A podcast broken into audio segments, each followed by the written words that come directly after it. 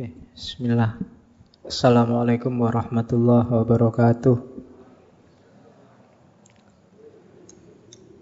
Bismillahirrahmanirrahim. Alhamdulillahirabbil alamin.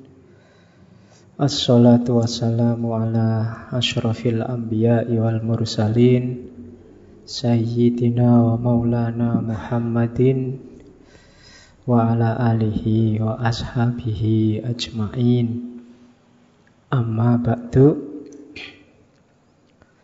Bismillah mari kita lanjutkan ngaji filsafat kita. Malam ini kita nyampe ke tokoh semiotik yang ketiga. Charles Sanders Peirce. Itu bacanya Peirce ya, jangan Pierce. Ya, kayak kalau kalian baca dompet P U R S E Purse. Jadi le lebih seperti itu membacanya. Oke, okay, uh, eh, ini ngaji filsafat seri ke 130 sekian. Saya lupa sampai 100 berapa. Yang sudah beberapa kali mungkin sekarang sudah mulai ngerti dikit-dikit tentang filsafat.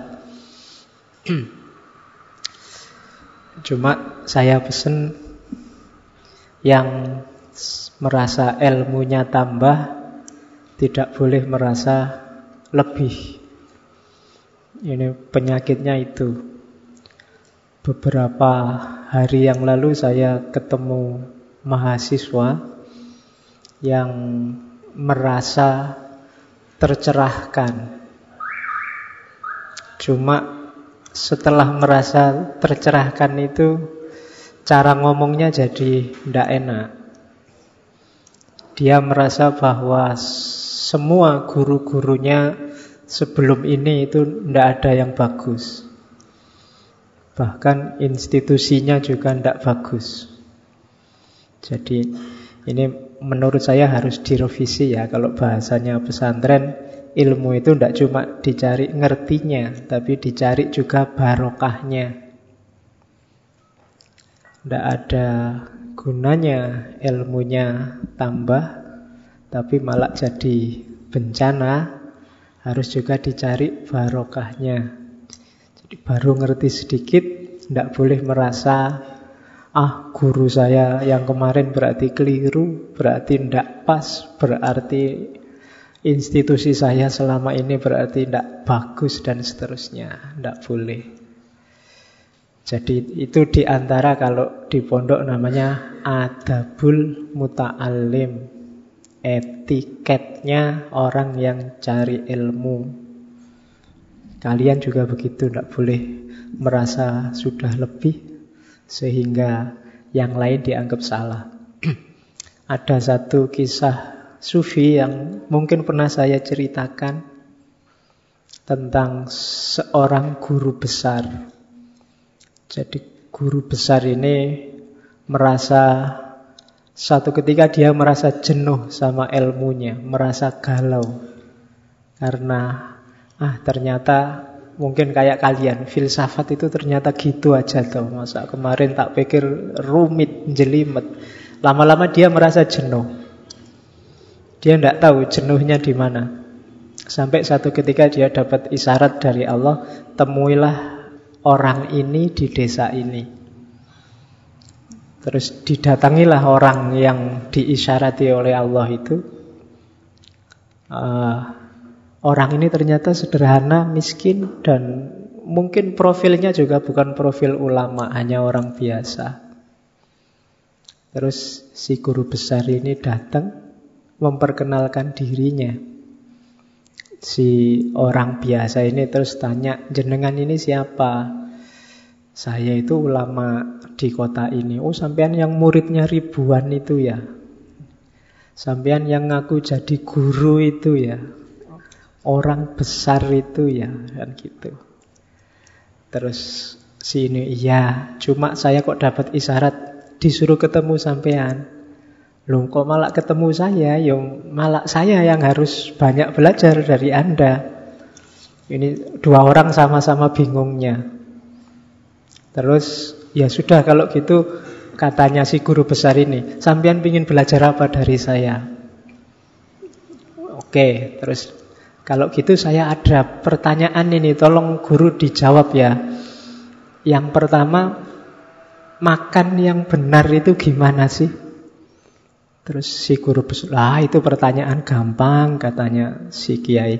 Makan yang benar itu kan ya baca bismillah, baca doa sebelum makan, kemudian pakai tangan kanan, sebelum kekenyangan, sebelum kenyang berhenti, kalau selesai baca hamdalah, selesai. Oh, cuma itu ya. Kok beda sama ilmu saya? Oke, nanti yang kedua sekarang pertanyaannya. Tidur yang benar itu gimana? Ya gampang, tidur yang benar itu baca bismillah, baca doa, merem, selesai. Terus tertidur sampai bangun. Oh gitu, beda juga sama ilmu saya. Yang ketiga, saya ingin tanya, sampai kan guru, ngajar yang baik itu gimana? Jawabannya, ya ngajar yang baik itu ajarkanlah pertama-tama dari Al-Quran, terus hadis, terus sesuai dengan yang ingin disampaikan pada murid-muridnya apa. Tidak boleh ada pertentangan dengan Quran dan hadis. Itu ngajar yang baik. Oh gitu ya, beda juga sama ilmu saya. Ini suwe-suwe guru besar jengkel. Sampean sejak tadi kok beda terus itu loh. Jangan-jangan ilmu sampean kayak gimana sih? Ya kalau saya makan yang benar, itu pertama-tama saya harus cek dulu makanannya halal apa haram. Meskipun pakai bismillah, pakai tangan kanan, kalau itu haram, kalau saya ya ndak. Oh, Geleng-geleng guru besarnya. Lah kalau tidur yang benar, tidur yang benar itu kalau saya tidak cuma baca doa, baca bismillah, tapi saya juga melepaskan semua kedengkian, semua rasa tidak suka, semua kesalahanku maupun kesalahan orang lain, ku mohonkan maaf pada Allah, sehingga waktu tidur aku tidak ada ganjelan apa pun, sehingga saat itu juga kalau menghadap pada Allah aku siap. Oh, Guru besarnya semakin geleng-geleng. Nah kalau ngajar yang benar gimana? Kalau saya ngajar yang benar itu yang penting pertama hatinya ikhlas, terus nyari ridhonya Allah. Baru mikir teknisnya. Oke, dari situ guru besar ini baru sadar bahwa ternyata dia yang merasa sudah penuh ilmunya kalah hanya orang hanya melawan orang kampung. Yang Cara mikirnya nggak terduga-duga. Sebenarnya guru ini kan juga ngerti yang diomongkan oleh orang kecil ini tadi. Cuma tidak nyampe di pikirannya. Itu kalau bahasa sufi, ilmunya tidak jadi cahaya. Jadi ilmunya tidak barokah. Kalian wawasannya banyak, tapi pasti banyak di antara ilmu itu yang kadang-kadang malah tidak jadi cahaya, tidak jadi sumber perbuatan, nggak jadi sumber kebaikan. Itu namanya barokah.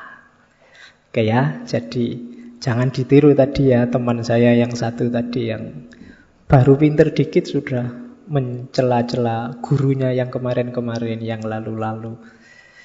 Oke, karena hari ini keahliannya orang Indonesia sebagian besar memang mencela dan mengeluh. Oke, bismillah kita mulai tokoh semiotik kita. Ini lebih tua daripada yang minggu lalu, Roland Barthes.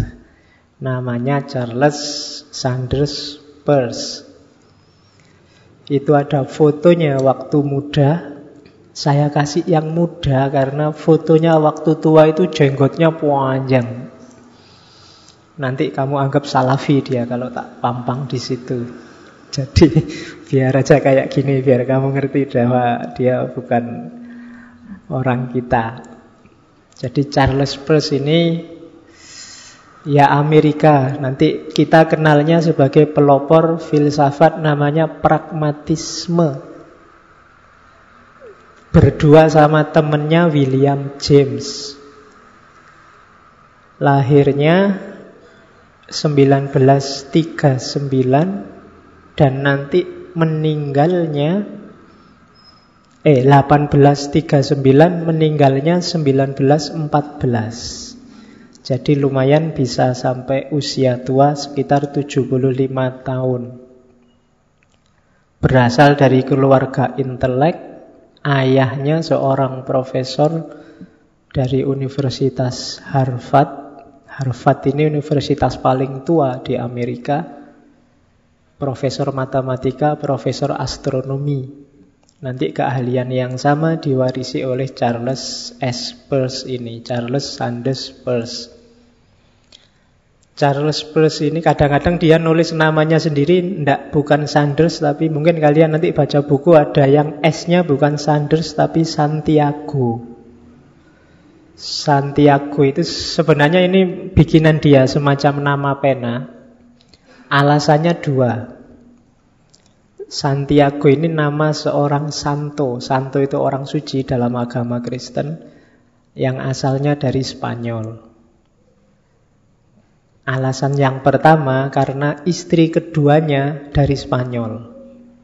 Jadi dia dia ingin lebih dekat sama istri keduanya maka S-nya diganti Santiago. Nah, nama aslinya Santo Santiago kalau dalam Kristen itu sebenarnya James. James ini temennya William James dan dia sangat hormat pada temennya ini karena nanti Charles Peirce ini waktu umur-umur paruh baya dia bangkrut miskin. Hartanya dipakai beli aset, tapi asetnya nggak berkembang, terus dia bangkrut. Yang menopang hidupnya temennya ini, William James ini, yang nanti sama-sama merumuskan pragmatisme. Jadi dia dia dapat dukungan finansial dari William James. Bahkan sampai William James meninggal, dia masih dapat dari William James dan teman-temannya William James. Sehingga saking kagumnya, saking hormatnya sama William James terus dia pakai nama Santiago. Karena Santo Santiago itu namanya aslinya James. Jadi itu ada dua alasan. Yang pertama istri keduanya yang kedua temannya. Itu untuk Charles Peirce dia ahli filsafat, ahli logika, ahli matematika. Kebisaannya sangat banyak. Kelemahannya cuma satu tadi, miskin. Ya, jadi ya terserah lah kamu milih mana ya ilmu muakeh neng melarat apa sugih neng ndak pati pinter. Nek iso yo ya ilmunya banyak, duitnya banyak. Kalau bisa, kalau tidak bisa ya tetap milih ilmu dulu. Ilmu cari duit. Oke.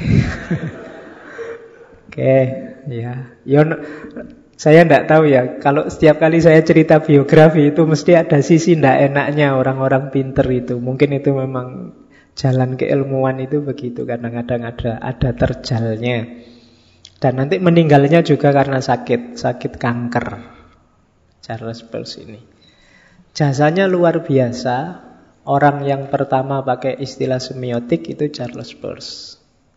Jadi dia harusnya kita omongkan pertama. Cuma kalau diomongkan pertama nanti ada beberapa istilah yang agak membingungkan maka biasanya orang ngajar semiotik memang diawali dari Ferdinand de Saussure.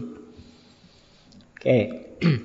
Belajar Charles Peirce itu enaknya dalam ranah logika sama filsafat ilmu. Baru yang ketiga semiotik. Makanya nanti kita singgung sedikit-sedikit dari tradisi logika, kemudian filsafat ilmu, kemudian baru kita masuk ke semiotik untuk ngomong tentang tanda. Oke, itu sekilas tentang riwayat hidupnya Charles Peirce. Kita lihat ya. Diawali dari logika sekarang awalnya. Jadi yang pertama tentang kebenaran.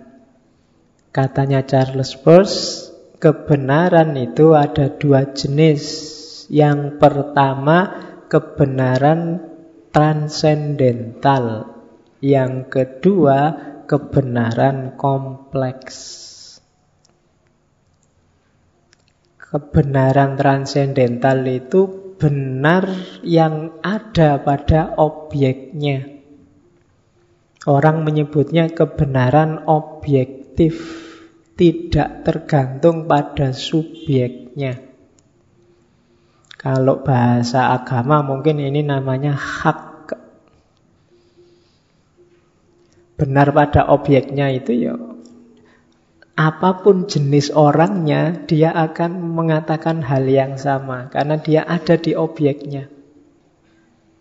Ilmu-ilmu eksakta itu banyak mengandung kebenaran transendental. Contohnya, boy, laptop ini warnanya hitam. Ini kan kebenaran yang benarnya ada di objeknya, tidak di kita. Kalau kamu ngomongnya beda, bukan Pak, itu kuning, kamu yang disalahkan. Kamu dianggap buta warna. Wong jelas hitam kok. Kamu tanya ke orang Yahudi, kamu tanya ke orang Syiah, Salafi, Wahabi, garis keras, garis lurus, garis bengkok, tetap dia akan bilang laptop ini warnanya hitam. Kebenarannya sifatnya objektif. Namanya kebenaran transendental. Jadi kalau ada yang tanya, apa ada kebenaran objektif? Ada kebenaran transendental, ada di objeknya. Meskipun nanti ada juga kebenaran yang tidak ada di objeknya. Bahwa ta, apa, tanggal 2 Desember kemarin ada jutaan umat Islam yang demo di Jakarta, faktanya memang begitu. Ini kebenaran transendental. Mau nggak mau, wong gambarnya jelas kok. Kelihatan. Ada jutaan orang Islam yang di sana. Itu kan fakta, tidak bisa dipungkiri. Tapi apakah di sana itu bela Islam apa bela yang lain? Nah ini baru masuk ke dimensi kebenaran kompleks. Jadi Bedakan kebenaran transendental sama kebenaran kompleks. Kompleks truth sama transendental truth. Ini dua hal yang berbeda. Jadi katanya Charles Peirce, ya bedakan itu. Kalau kebenaran kompleks, dia ada dua. Yang pertama ada kebenaran etis, yang kedua ada kebenaran logis. Ini ini sama-sama ada di manusia kalau ini. Tidak lagi di objeknya. Ada yang etis. Kalau etis itu dasarnya adalah kepercayaan. Kalau logis itu dasarnya akal. Jadi ketika kita ngomong sesuatu, apakah kebenarannya itu masuk akal atau dasarnya kepercayaan, itu namanya kebenaran kompleks. Kalau dasarnya kepercayaan kita, itu namanya kebenaran etis. Kalau dasarnya rasio, itu namanya kebenaran logis. Misalnya kita ngomong, menurut saya, Tuhan itu maha kuasa. Kenapa? Karena Al-Quran ngomong gitu. Kenapa? Aku percaya Al-Quran. Ini kebenaran psikologis, etis. Menurutku Tuhan itu luar biasa. Kenapa? Tak lihat alam semesta ini begitu rumitnya, begitu kompleksnya, tapi kok jalannya bisa seimbang ya. Menurut saya ini luar biasa. Nah, ini pakai akal. Namanya kebenaran logis. Jadi kategori-kategori kebenaran itu ada transendental, ada kompleks. Yang kompleks ada dua, ada etis, ada logis. Nanti ukuran-ukurannya beda, parameter-parameternya beda. Jadi kalau berhadapan dengan pernyataan apa pun, boleh diklasifikasi. Ini fakta kebenaran transendental, ini opini kebenaran kompleks. Oke, Katanya Charles Peirce, meskipun ada jenis-jenis kebenaran, pada akhirnya semua kebenaran itu ngukur validitasnya adalah aspek pragmatisnya. Pragmatis itu prakteknya, kenyataannya, hasilnya, efeknya. Itu pragmatisnya. Jadi dia dilihat konsekuensi praktisnya. Konsekuensi praktis itu tadi tujuannya apa, hasil enggak. Itu nanti sehingga dia disebut pragmatisme. Apakah itu kebenaran transendental, apakah itu kebenaran etis, apakah itu kebenaran logis, monggo saja, tidak masalah. Yang penting efeknya. Oke, apakah bela Islam? Apakah demo makar?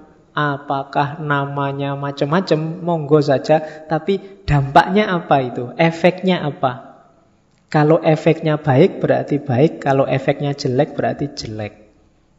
Itulah pragmatisme. Kalau gara-gara 212 itu kita tambah rukun sesama umat Islam, secara pragmatis itu baik. Alhamdulillah gara-gara kemarin kita sekarang semakin rukun, semakin saling mengenal, semakin kompak. Tapi kalau sebaliknya kita semakin gegeran, semakin pinter gerenengan, semakin ah, itu berarti secara pragmatis itu jelek. Itu Charles Peirce. Apa-apa dihitung hasilnya. Ngaji ini bagus apa jelek? Tidak dilihat Oh ini sesuai Al-Quran Pak, kebenaran etis. Ini menurut saya masuk akal Pak, mahasiswa kan wawasannya luas, kebenaran rasional. Tidak penting itu katanya plus. Terserah dalilmu apa, tapi efeknya bagus tidak? Kalau gara-gara ngaji ini kamu tambah ngeyelan, tambah cerewet, tambah bikin orang manggel karena kalau ngomong raiso dikalah ke, ah, berarti ngaji filsafat dampaknya jelek. Secara pragmatis jelek. Tapi kalau dengan ngaji ini kamu semakin wise, wah, semakin wah. Kalau diajak ngomong, wah, ngalang-alai wali. Ah, berarti apa? Lumayan lah, tidak apa-apa. Paling tidak kamu iso gaya kayak orang-orang bijaksana. Itu pragmatis namanya. Jadi ngukurnya tidak tidak dari barangnya, tapi dari efeknya. Filsafat inilah nanti yang namanya pragmatisme. Jadi tidak proses yang dilihat tapi hasil. Kalau manajemen modern namanya manajemen by result. Dilihat hasilnya. Jalannya apa aja boleh lah. Yang penting hasilnya apa. Jadi itu yang pertama. Dalam logika ada jenis kebenaran. Nah, ngejarnya gimana kebenaran itu? Nah ini proses-proses konstruksi berpikirnya manusia. Katanya Charles Peirce, dari situ orang ketemu kebenaran. Ada yang pertama lewat belief. Jadi belief itu kepercayaan. Dikasih tahu percaya. Ya bahasa kita iman. Itu juga sumber kebenaran, nggak usah takut. Pak saya kemarin Islamnya cuma dikasih tahu orang tua ya Pak, dikasih tahu ustadzku di kampung. Apa bisa Pak? Ya bisa. Dari belief juga bisa ketemu kebenaran. Pemikiran yang berdasarkan kepercayaan. Tidak masalah. Belief, iman, akidah. Hidup butuh kepercayaan-kepercayaan. Tidak mungkin orang hidup tanpa belief. Kalau tidak ada belief, kita tidak bisa hidup. Ya kepercayaan itu kan tidak cuma kepercayaan agama, ada kepercayaan sosial, ada kepercayaan fisikal, mungkin ada kepercayaan kimiawi macam-macam. Misalnya, aku percaya bahwa setelah minum ini hausku hilang. Itu kepercayaan.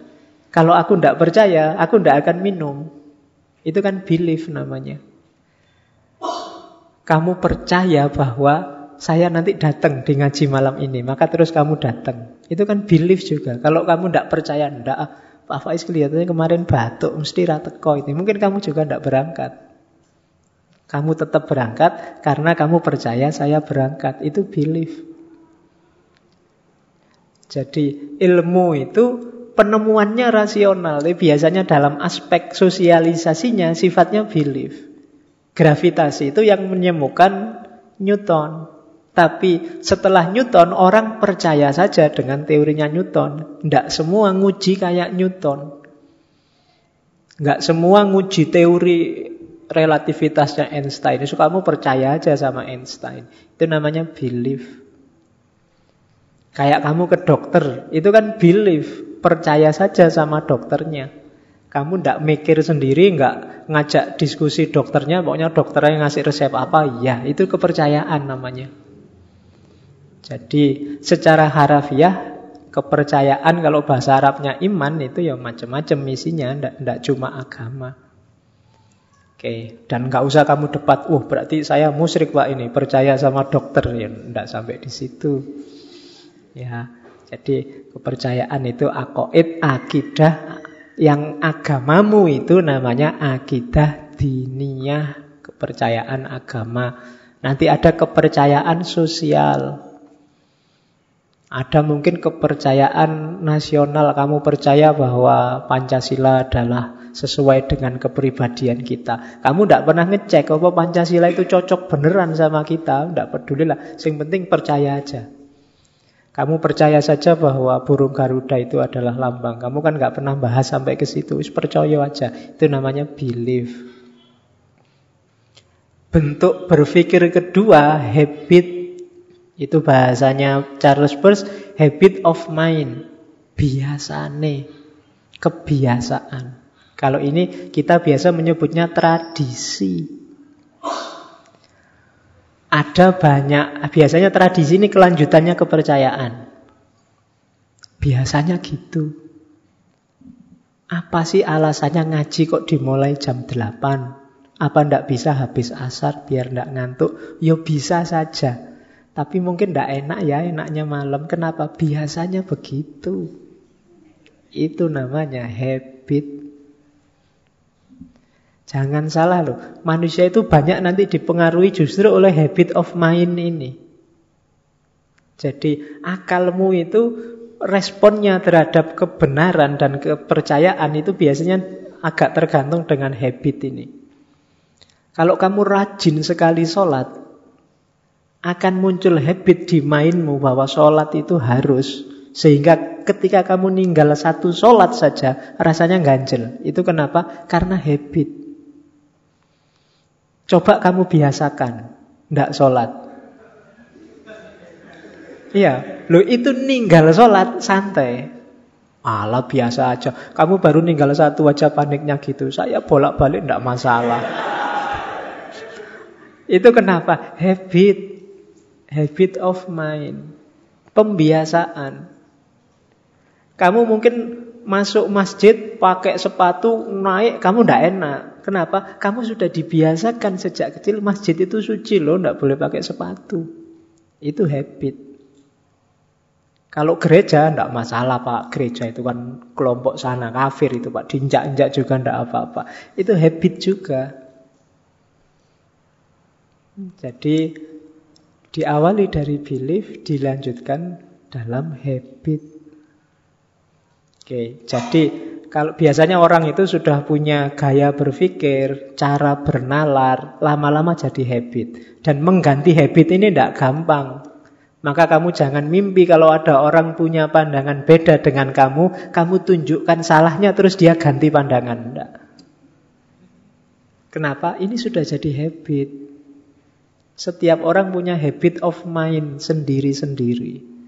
Kamu ini loh orang gimana sih? Sudah tak tunjukin loh salahnya di sini-sini. Dia ini hoak, mikirnya keliru kabeh. Kok pancet wae koyong ini. Itu sudah habit. Tidak bisa. Pelan-pelan bisa. Sedikit-sedikit lama-lama bisa. Tapi seketika itu tidak mungkin. Itu namanya habit of mind. Kebiasaan pikiran. Harus dibiasakan dulu. Oke, makanya pendidikan usia dini itu penting. Dalam rangka apa? Habituasi, pembiasaan. Adik-adikmu, besok anak-anakmu, biasakan yang baik-baik sejak kecil, sehingga besok waktu besar ketika melakukan yang tidak baik, Dia merasa ndak enak, merasa ndak seret. Kenapa? Karena terbiasa baik. Kayak kamu di kelas itu loh. Kalau terbiasa masuk kelas, bolos sekali itu rasanya ndak enak, ganjel. Tapi kalau terbiasa bolos, iya, masuk itu rasanya aneh ya aku masuk. Jadi itu karena habit. Oke, gaya mikir kedua. Ada gaya mikir ketiga, biasanya setelah habituasi, orang juga mengalami namanya keraguan, dot. Jadi dot itu, iya ya, aku kayak gini nih apa ya sudah benar. Nah, itu mulai gaya ketiga mikir, namanya meragukan sesuatu. Apa pasti aku ngaji terus-terusan di masjid itu? Jangan-jangan aku terpengaruh nanti. Nah, itu mulai ragu-ragu. Kemarin sudah terbiasa, sekarang terpengaruh. Apa sih aku untungnya kuliah rajin itu, IP ku yo tetap jeblok. Nah, kamu mulai ragu-ragu. Jangan-jangan salah aku kuliah itu. Ini kan mulai meragukan. Sholat tiap hari ya tetap sumpek aja hidupku. Jangan-jangan ini mulai kamu mikir kan, kamu mulai mulai ada gugatan-gugatan, pertanyaan-pertanyaan. Ini level mikir konstruksi berpikir yang ketiga dalam diri manusia. Gaya ketiga, gaya meragukan. Oke, setelah ragu-ragu ada orang yang cuek kembali ke gaya berpikir sebelumnya, apakah itu belief, apakah habit of mind, tapi ada juga yang melangkah lebih jauh, melakukan inquiry, melakukan telaah, analisis-analisis, mulai membaca, mulai belajar. Islammu selama ini mungkin dicekokkan sejak kecil, bapakmu, ustadzmu di kampung. Terus jadi habit. Kamu jadi mahasiswa mulai mikir sekarang, iya ya, apa ya pas? Apa Islamku ini serius enggak sih selama ini jangan-jangan ikut-ikutan. Yang benar Islam yang kayak gimana sih? Kamu mulai tanya. Itu namanya inquiry. Selama ini aku cuma ngomong aja bahwa madhabku itu syafi'i. Aku tidak pernah sama sekali buka kitabnya syafi'i. Sekarang tak serius ah buka syafi'i. Ah ini dot dan inquiry. Ya, ya, yang sering saya bilang itu kan kita sering tidak serius sama hidup kita, termasuk belief kita. Nah, di level dot sama inquiry ini kita mencoba untuk serius. Aku itu mahasiswa. Janjani mahasiswa itu apa sih? Tugasnya apa, yang harus dilakukan apa, yang jangan dilakukan apa. Selama ini cuma ikuti kantor aja sih. Nah, itu namanya dot dan inquiry. Ini gaya berpikir yang ketiga dan keempat. Baru setelah inquiry-nya ketemu, kita masuk the logic of theory. Kamu nemu jawaban sekarang. Biasanya disebut konsep, kalau konsepnya utuh namanya teori. Nanti relasi antar teori yang sistematis namanya ilmu. Kalau ilmu ini disepakati secara sosial namanya paradigma. Paradigma ini kalau disepakati sangat banyak orang namanya worldview. Rentetannya nanti begitu. Jadi manusia mikir itu dari belief sejak kecil biasanya berawal dari kepercayaan-kepercayaan. Makanya kamu sekolah di SD itu sifatnya informatif untuk kamu percayai saja. SD, SMP, SMA bahkan itu kan sifatnya ada di belief ini. Tujuannya kamu dihabituasi, dibiasakan. Kamu diajari Pancasila, PKN, diajari agama, diajari IPA, IPS. Itu kan di situ tidak kritis sama sekali. Kamu cukup dihafalkan waktu ujian dijawab. Kan cuma itu aja dulu. SD kan gurumu nggak suruh mengkritisi. Ya. Tidak mungkin pertanyaan ujian SD itu mengapa Pancasila cuma lima? Tidak ada. Itu muridnya mesti bingung itu. Cuma lima itu. Ya, jadi tidak mungkin begitu karena dia cuma informatif. Baru waktu kamu kuliah ini, kemungkinan sebagian besar kamu disuruh dot dan inquiry. Makanya biasanya begitu orang jadi mahasiswa, dia diposisikan sebagai pembelajar yang dewasa, namanya andragogi, bukan lagi pedagogi. Pembelajaran untuk orang dewasa yang tidak boleh menerima begitu saja. Makanya jadi mahasiswa jangan cuma diapalkan. Eman-eman, itu levelnya anak SD. Harus ada dot keraguan. Opo yo iya gitu, apa ndak bisa alternatif yang lain? Apa ndak bisa kemungkinan-kemungkinan kebenaran yang berbeda dan seterusnya. Lakukan inquiry, terus melahirkan tipe berpikir yang ketiga namanya the logic of theory. Logika ilmu, logika teori, logika konsep bermain. Jadi kalau besok kita diskusi, coba perhatikan levelnya lawan bicaramu. Dia ada di level belief atau di level habit of mind atau di level dot dia sedang mengalami krisis keraguan, sedang bingung mencari jawaban, atau sedang inquiry, dia sedang menelaah, dia punya bahan banyak, sedang mencari kebenaran, atau dia sudah ketemu yang baru. Kalau masih sifatnya informatif, apalan biasanya masih di belief. Kalau bahasanya masih biasanya begitu, selama ini begitu, yang terjadi selama ini semacam itu dan seterusnya itu biasanya levelnya habit of mind. Kalau sudah mempertanyakan mempertanyakan itu biasanya ada di dot.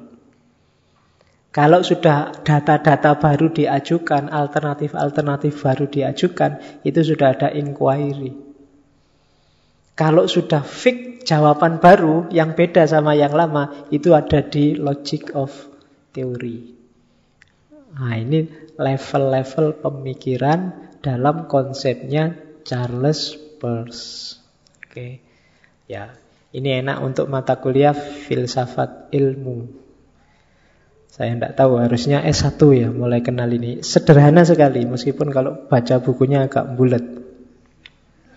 Oke, iya loh, saya tidak tahu. Mungkin kelemahannya kita selama ini buku filsafat itu kebanyakan terjemahan. Dan orang Indonesia itu terlalu jujur, jadi terjemahan itu kata-katanya apa, ya itu yang diterjemahkan langsung. Sehingga yang baca jadi pening. Iya. Saya kemarin ada terjemahan itu, mungkin karena yang nerjemah tidak ngerti filsafat, jadi ada kalimat seorang kontradiksi Kok ada seorang kontradiksi, kita pikir suwi. Apa ya seorang kontradiksi itu? Jadi dianggapnya kontradiksi itu nama orang. Jadi, iya, jadi hati-hati ya membaca terjemahan. Apalagi filsafat. Filsafat itu banyak yang aslinya Jerman, terus versi Inggrisnya, terus baru kita Indonesiakan. Itu jadi melampaui tiga gaya bahasa itu biasanya memang agak susah. Jadi intinya itu, mending kamu kalau bisa bahasa langsung ke Inggrisnya. Itu lebih lebih bisa ditangkap kadang-kadang bagi yang ngerti bahasa Inggris. Yang tidak ngerti ya, nah iya toh, yang nggak ngerti ya berdoa saja semoga ada hidayah dari atas. Ya kan ilmu itu kan nggak cuma ke sana, tapi dari atas juga kan. Sopo ngerti Gusti Allah kasihan padamu terus sudahlah dikasih ilmunya Charles Peirce Oke, jadi ada lima kontradiksi. Nah, ini yang terkenal dari Charles Peirce. Jadi pengetahuan itu bergerak biasanya dari proposisi, terus judgment, terus habit of mind. Jadi hidup ini kan kita sebenarnya bukan kebenaran ke kebenaran, tapi dari keyakinan ke keyakinan. Keyakinan itu isinya apa? Proposisi, yang kita judgment, kita nilai sebagai benar, kemudian jadi kebiasaan. Itulah keyakinan. Jadi ada pernyataan yang kita yakini benar, kemudian kita jalankan sehingga jadi kebiasaan. Oke. Jadi hidup itu keyakinan. Makanya agama itu sifatnya sangat emosional. Kenapa? Karena dia jadi habit. Dia menyatu dalam dirimu, kesenggol dikit kamu bisa marah karena karena yang disenggol itu hidupmu, habitmu. Begitu dia dianggap salah, seolah-olah hidupmu selama ini itu salah semua. Itu yang bikin orang emosional. Jadi, laku aku dianggap salah, berarti aku salah kabeh selama ini, kan begitu. Ketika, ketika agama disenggol dianggap salah. Jadi, ada proposisi, ada judgment, ada habit of mind. Keyakinan kita, apa pun sebenarnya tidak cuma agama, itu prosedurnya semacam itu. Dulu kita dikasih proposisi-proposisi oleh ustadz kita, oleh guru kita. Rukun Islam ada lima, rukun iman ada enam. Ini kan proposisi-proposisi. Dari situ terus di judgment, ada level judgment bahwa ini pasti benar loh, ini tidak mungkin berubah loh. Terus dari situ jadi habit biasa sudah. Jangankan yang agama, mungkin kalian yang pengajian kayak gini nih, kalau sudah jadi habit, tidak ngaji rasanya nggak enak. Wah, nggak ngaji ya eman-eman. Kemarin biasanya ngaji. Biasanya yang keluar Jogja itu biasanya merindukan dulu ya enak ngaji. Sekarang tidak ada di sini. Ada beberapa yang ngomong ke saya begitu. Tapi waktu di sini, waktu ngaji dia bosan ngantuk. Iya, Gaya, gayanya waktu sudah nggak di Jogja, wah saya pingin ngaji lagi pak. Padahal waktu ngaji ya dia ngerti juga ndak, paling ngantuk sambil angop. Nah, itu habit, jadi pembiasaan. Makanya biasakanlah dirimu untuk yang baik-baik. Karena ternyata hidup kita itu kuncinya ada di habit. Dan hidup kita Jangan salah, bukan kebenaran ke kebenaran. Kalau kebenaran yang hakiki itu kita semua mengejar ke sana. Intinya keyakinan ke keyakinan. Beda pendapat di antara kita itu berawal dari beda yang kita yakini. Bukan beda kebenarannya. Kebenarannya mungkin sama, tapi caramu menyerap, meyakini kebenaran itu mungkin beda-beda. Itulah yang melahirkan macam-macam pendapat. Maka jangan dimarahi mereka, habituasinya berbeda. Pembiasaan hidupnya beda. Ada orang yang seret pakai jubah, ada yang seretnya pakai sarung, tidak masalah. Habituasi.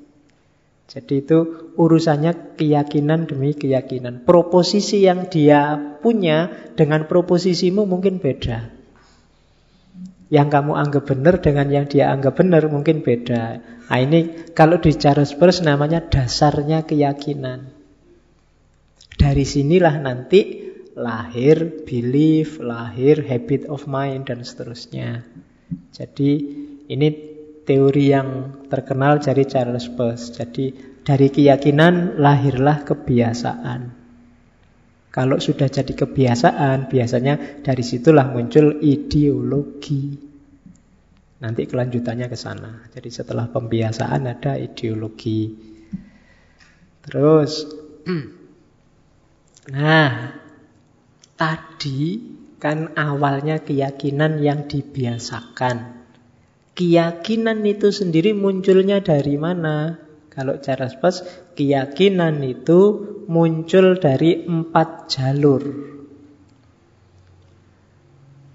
Ada namanya tenacity, ada yang namanya authority, ada yang namanya a priori, ada yang lewat jalur scientific, jalur ilmu pengetahuan. Oke. Tenacity ini yang paling banyak kita lakukan. Tenacity itu meyakini sesuatu karena sesuatu itu yang selama ini berjalan. Tanpa kita benar-benar paham apa sesuatu itu. Itu namanya keyakinan melalui jalur tenacity.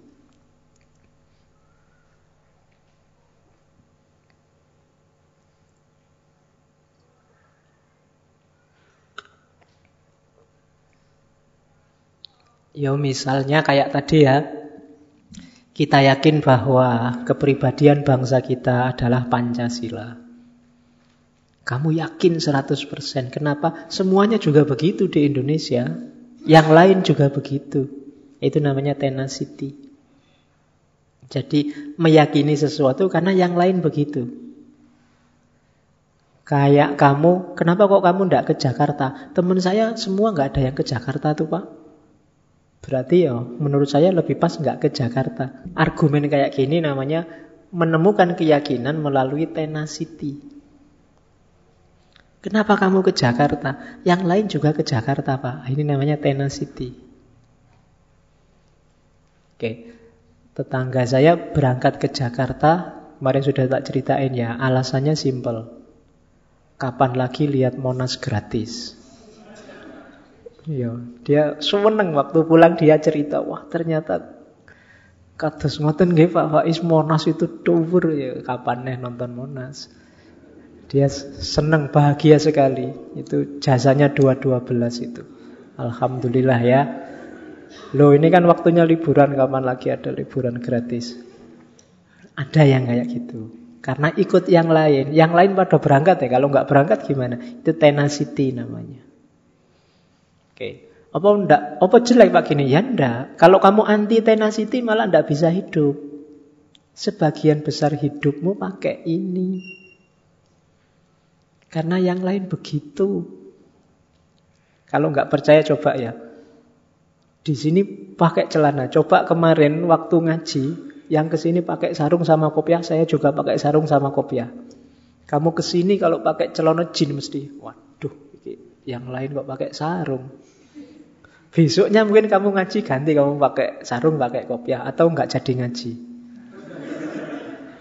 Ya kan? Kita sering begitu. Begitu masuk ke lokal tertentu, wilayah tertentu, mesti kamu lihat yang lain bagaimana. Yang lain begitu ya saya enggak. Makanya saya sering tanya mahasiswa waktu di kelas itu, kenapa sih kok sukanya duduk di belakang? Itu kebanyakan ternyata ya biasanya begitu Pak. Jarang yang ujuk-ujuk nyari duduk, biasanya nyari di belakang. Jadi argumennya biasanya begitu. Padahal lo apa di depan mengerikan apa dosennya bikin kamu takut, ya enggak ya biasanya begitu aja. Itu namanya tenacity. Jadi keyakinan bahwa itu benar karena biasanya begitu. Yang lain juga begitu. Oke. Terus yang kedua, authority. Kalau ini lebih cerdas sedikit. Ada otoritas yang kamu percaya, kayak ke dokter tadi. Saya sakit, terus aku percaya ke dokter kenapa? Dokter yang ngerti tentang kesehatan. Itulah. Kalau tenacity tadi, kenapa kamu ke dokter? Yang lain juga ke dokter ya. Anda. Kalau authority, kamu ngerti dokter ini yang punya otoritas kesehatan. Kalau tenacity tadi, kalau tetanggamu sakit terus ke bengkel, kamu juga ikut ke bengkel. Kalau authority, ndak, kamu ngerti. Kok kamu mau-maunya ikut ulama itu dalam bidang ini? Iya, karena saya tahu dia ahli bidang itu. Ini namanya menemukan keyakinan, menemukan kebenaran lewat jalur authority. Otoritas. Otoritas itu bisa orang, bisa lembaga, mungkin ideologi. Jadi namanya otoritas. Kamu anggap ini lebih punya otoritas dibandingkan yang lain. Jadi mencari kebenaran lewat jalur yang kamu anggap ahlinya. Sekarang kan banyak orang yang susah sekali memahami fenomena otoritas ini.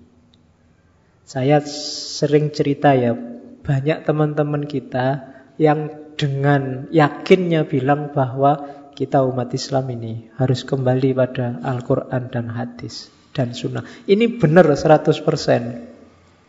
Cuma kembali pada Al-Quran dan sunnah itu bukan barang simpel. Wong kita ngaji aja pelekak peleku. Andalannya Quran dan terjemahan. Agak susah. Kita butuh orang yang ahli Al-Quran dan ahli sunnah. Mau tidak mau, ya butuh ulama. Gitu Saya sering cerita itu kan, kayak di Semarang kemarin saya cerita bahwa ada yang tanyakan, Pak kita kan harus kembali pada Quran dan Sunnah. Iya, Tapi dalam sejarahnya kembali pada Quran dan Sunnah di kalangan umat Islam itu di catatan saya ada empat gaya. Yang pertama gaya letterlek tadi.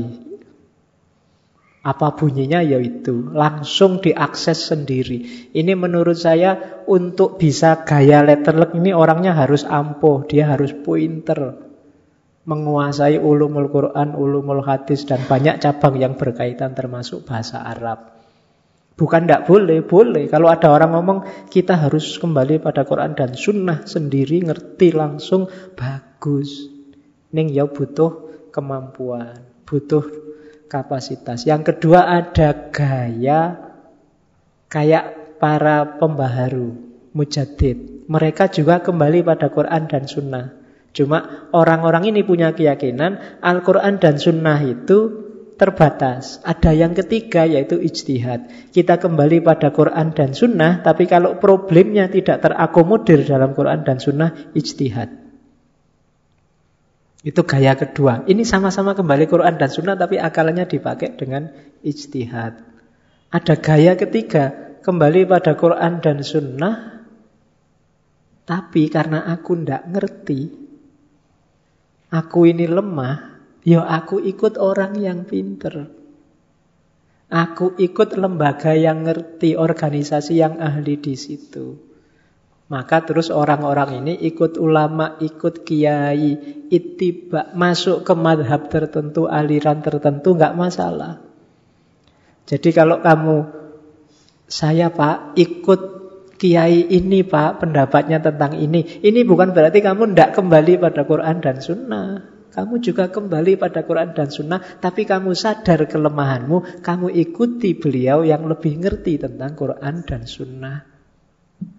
Jadi tidak harus kamu jujuk sendiri, karena kalau kamu jujuk sendiri, ora tekan. Wong kamu masih ikrok jus tiga. Nah, jadi ini juga gaya kembali pada Quran dan Sunnah. Ada juga yang lebih ekstrim, kita menyebutnya kelompok liberal. Kalau kelompok liberal ini kembali pada Quran dan Sunnah, tapi tidak letterleknya, hanya visi dan misinya.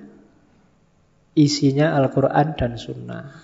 Jadi Letterleknya ndak. Ayat ini punya semangat apa sih? Ayat ini punya misi apa sih? Itu yang diwujudkan, tidak harus letterlek. Ini biasanya teman-teman dari sayap kiri. Kelompok liberal. Nah, menurut saya, ya semuanya itu masuk kategori kembali pada Quran dan Sunnah. Cuma gayanya macam-macam. Itu jenis authority. Kita percaya pada otoritas Al-Quran dan Sunnah. Jadi tidak masalah. Jadi semuanya yang balik pada Quran dan Sunnah. Tidak ada orang Islam yang mau dibilangin kamu tidak Quran ya, kamu tidak Sunnah, tidak ada. Semuanya ingin disebut merujuk pada Quran dan Sunnah.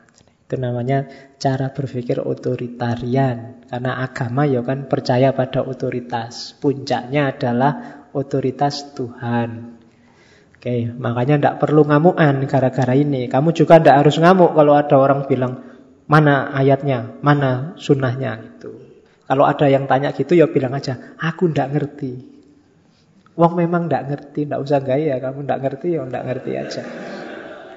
Ya. Jadi kalau kamu ngomong apa yang baik-baik terus orang nagih ayat, ya kalau pas tidak ngerti ya ngomong aja tidak ngerti, jangan ngawur. Nanti malah jadi rusak. Oke. Kita tanyakan pada ahlinya, kan begitu. Tidak usah ngarang sendiri. Tidak usah nafsirkan sendiri. Oke.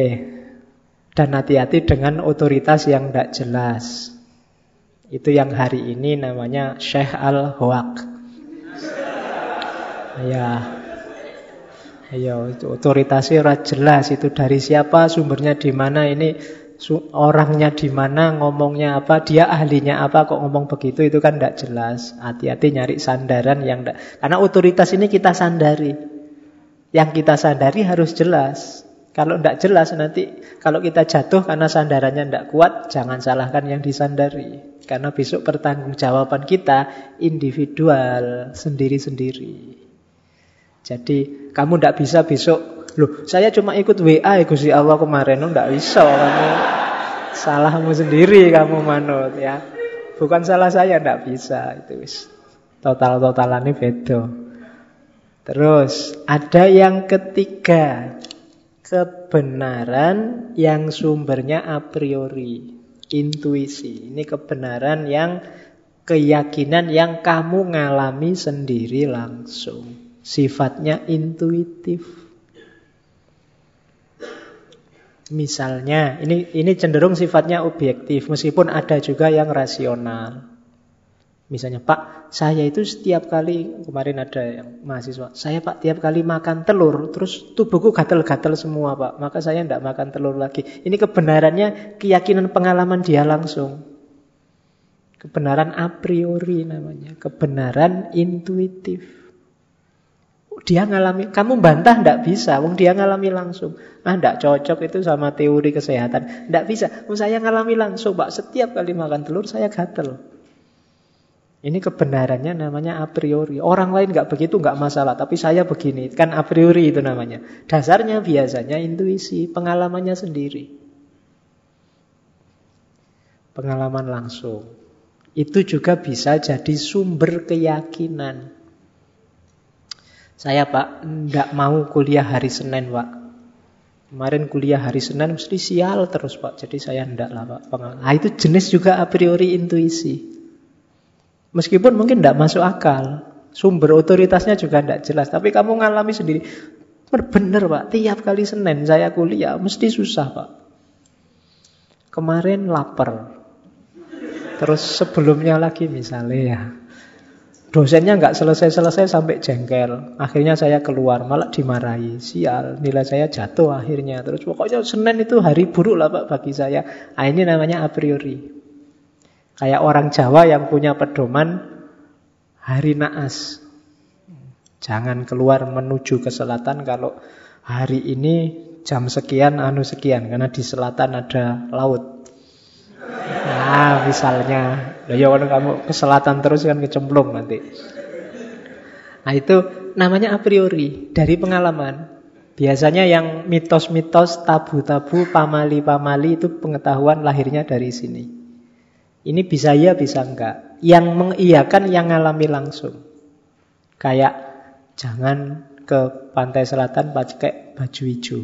Wah itu kan susah kan rasionalitasnya susah. Tapi mungkin mereka pernah ngalami sendiri ada orang ke sana pakai baju hijau tenggelam. Mungkin besok kalau ada yang ngalami lagi pakai baju merah tenggelam. Oh berarti dua sekarang. Jangan pakai baju hijau, jangan pakai baju merah. Lama-lama semua warna kena kamu. Tidak usah pakai baju. Oke ya, jadi itu nyari kebenaran. Pakai jalur intuitif, intuisi. Yang terakhir, nah ini yang kita pakai di kampus-kampus. Pakai jalur saintifik. Pakai jalur ilmu. Ilmu itu pengetahuan yang diuji secara sistematis, metodis, universal, dan seterusnya.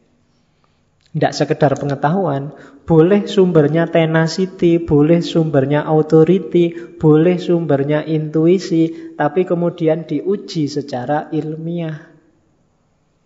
Ini namanya lewat jalur sain.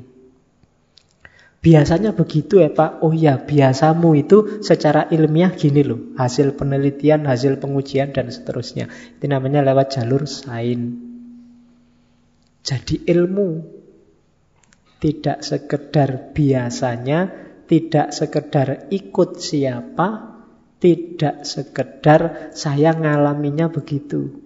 Tapi semua pengetahuan dari tiga yang di atas tadi dikelola secara metodis. Metodis itu dengan metode yang jelas. Mana hipotesisnya, mana pendekatannya, mana langkah kerjanya, hasilnya seperti apa, dan seterusnya. Itu namanya jalur sain. Jadi empat hal inilah yang dilakukan oleh manusia untuk mencari kebenaran atau lebih tepatnya lagi keyakinan akan kebenaran. Jadi urusannya yakin atau tidak yakin pada kebenaran. Jalurnya empat. Terus Nah, lawannya keyakinan, lawannya kebenaran tadi sebenarnya adalah keraguan. Jadi ragu-ragu. Ini lawan yang baik tapi kadang-kadang juga jadinya tidak baik. Bisa baik, bisa tidak baik. Baik dalam arti gara-gara ragu ini kita berkembang. Semakin nyari kebenaran yang lebih, keyakinan yang lebih. Tapi kadang-kadang juga gara-gara ragu terus kita mandek. Nah, banyak di antara kita yang ragu terus mandek. Ini bukan perilaku ilmiah kalau bahasanya Charles Peirce. Harusnya setelah keraguan, kamu nyari yang lebih benar, lebih meyakinkan. Kalau dalam dunia filsafat ilmu, ada asumsi bahwa manusia itu punya satu fitrah namanya curiosity. Rasa ingin tahu. Harusnya manusia itu dengan akalnya dia selalu mengejar kebenaran, dia selalu ingin tahu. Dia selalu meragukan sesuatu sampai ke yang paling dasar kayak Rene Descartes itu. Sampai mentok ke hal yang tidak bisa diragukan lagi. Harusnya begitu. Cuma memang dalam praktek sehari-hari kita sering dibuat terlena oleh pembiasaan-pembiasaan. Anak kecil itu coba dilihat ya, yang akalnya baru tumbuh, ngomongnya baru bisa, itu kan pasti cerewet. Apa aja ditanyakan. Apa ini? Apa itu? Itu kok gitu? Ini kok gini terus gitu. Cuma mungkin karena ibu e harus jawab satu-satu. Kan terus anak ini terus dipis, alah cerewet, habis biasanya ngono, alah ndak usah banyak tanya, alah lama-lama yo mati dia daya daya tanyanya. Mungkin korbannya termasuk kalian. Jadi rasa curiosity-nya mati. Kalau daya ingin tahunya mati, berat kamu jadi ilmuwan. Karena melihat apa pun kamu anggap biasa. Tidak ada yang perlu dipertanyakan. Padahal harusnya ilmuwan itu dia selalu ingin tahu, lah kok begitu, lah kok begini. Kenapa Jogja itu kok bulan-bulan ini rame? Karena liburan. Apa orang-orang itu kalau liburan itu duitnya mesti banyak? Oh, apa-apa ditanyain terus. Itu curiosity. Selalu ingin tanya. Itu nama lain dari dot. Dengan bekal ini pengetahuanmu bertambah terus. Tapi kalau kamu menerima saja apa adanya, ya sudah. Padahal kamu cermati sekelilingmu ini. Di masjid ini aja banyak loh yang bisa kamu tanyakan. Apa ya harus begitu? Oh, misalnya kipas angin. Apa ya harus sebanyak itu? Kenapa yang sini nyala, sana ndak? Apa yang sana nggak butuh kipas angin, sini yang butuh? Terus Kenapa kok yang perempuan di sana ditaruh di kiri, yang laki-laki di kanan? Ada ideologinya apa kebetulan tadi? Atau lo itu kan banyak yang bisa kamu analisis. Gitu loh. Kenapa kok ini ndak ada yang pakai kopiah padahal katanya ngaji? Apa manut ustadznya? Apa memang istihadnya sendiri? Apa ya itu banyak yang bisa kamu tanyakan. Cuma kan bagi kamu alawis biasa ngono kan mesti gitu. Alas biasanya gitu Pak selesai. Ndak, ndak jadi ilmuwan kamu, apalagi filosof. Ya, ilmuwan aja ndak kan. Di atasnya ilmuwan itu filosof. Di atasnya filosof itu stres.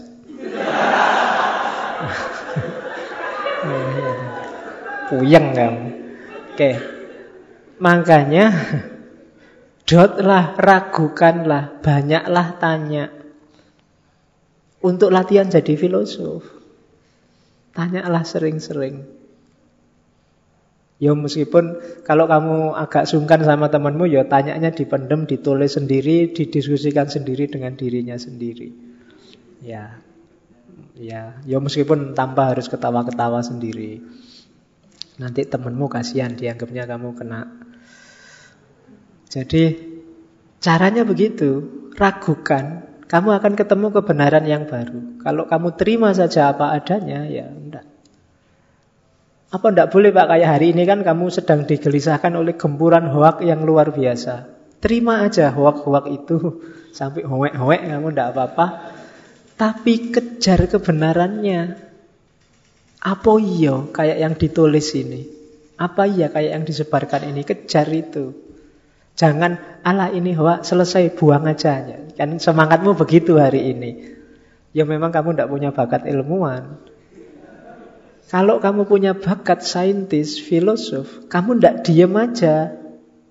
Ini fitnah ndak sih? Ini serius ndak sih? Kamu kejar. Itu dari dot menuju kenapa? Karena keraguan itu ndak nyaman di dalam. Kalau keyakinan bikin kamu tentram. Jadi keraguan itu kan bikin kamu tidak bisa tidur. Tapi keyakinan bikin kamu nyaman. Begitu kamu tidak nyaman, kan carilah kenyamanan. Jangan dibiarkan ketidaknyaman, ketidaknyamananmu menguasai. Cirinya dua, feeling and behavior. Rasanya sama manifestasinya dalam perilaku. Itu kelihatan. Behavior itu mungkin gaya ngomongnya, perilakunya sehari-hari. Kalau feeling itu ya rasa nyamannya. Tahu ilmu itu kan rasanya nyaman luar biasa. Alhamdulillah kemarin tidak ngerti, sekarang ngerti. Itu nyaman kan enak. Tapi nggak paham, itu stres. Iki bacaan maksudnya apa toh ya tak bolan baleni masih aja bulat. Sudah sholat tahajud 10 dibaca lagi masih tidak paham. Itu kan susah kamu, tidak nyaman, tidak paham itu tidak enak. Makanya para ilmuwan zaman dulu ada istilah namanya momen eureka, momen ketika ah ketemu ini. Itu dasarnya kayak orang ekstase. Dari tidak paham jadi paham itu. Itu makanya ilmu itu enaknya luar biasa. Sehingga kan ada cerita banyak ulama muslim itu yang tidak nikah. Kenapa? Dia asik sama ilmunya. Mendapat pengetahuan satu-satu itu dia merasa nyaman dengan itu sehingga lupa bahwa ada yang lebih enak yaitu nikah.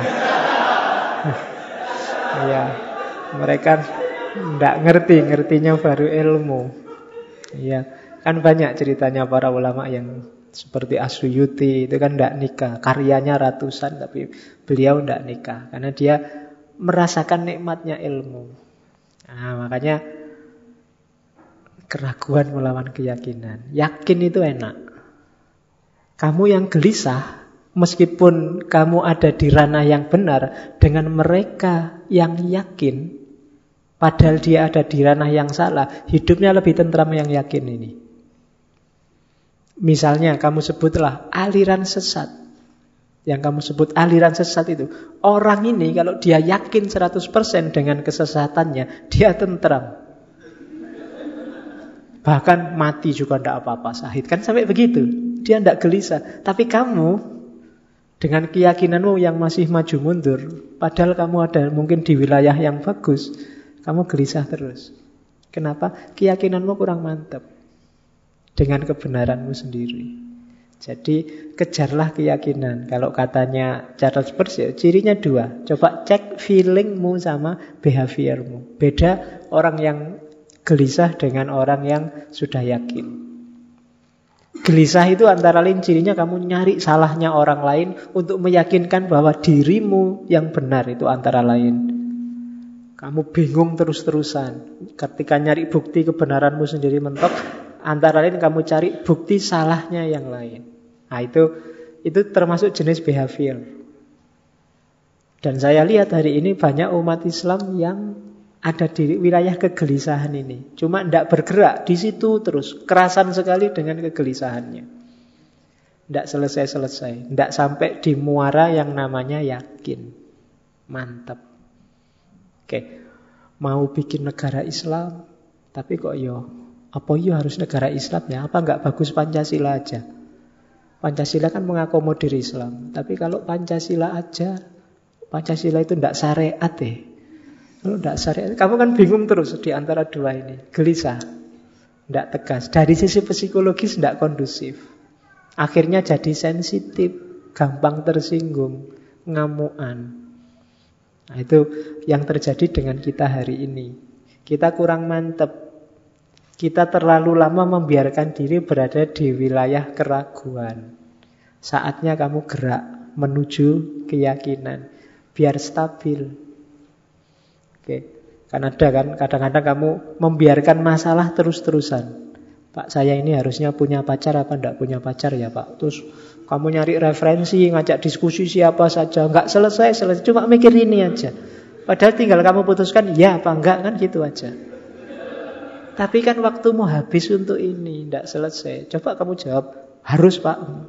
Ya kalau harus sama siapa? Tidak tahu pak, ya sudah. ya kan gitu. Lebih kondusif untuk hidupmu. Terus, ya kalau dot itu ada genuine dot, ada artificial dot. Genuine dot itu keraguan yang lahir dari dirimu sendiri memang kegelisahanmu. Tapi kalau artificial itu sebenarnya kamu tidak gelisah-gelisah amat. Bukan problemmu. Tidak terlalu menyangkut dimensi eksistensial kehidupanmu. Banyak kan isu-isu yang kamu terpaksa harus membahas itu karena tren. Padahal itu bukan masalahmu. Itu namanya artificial dot. Tidak ada hubungannya sama kamu. Misalnya kamu diskusi gimana ya? Kok Ahok itu ngatur Jakartanya kayak gitu ya? Misalnya, kamu orang mana?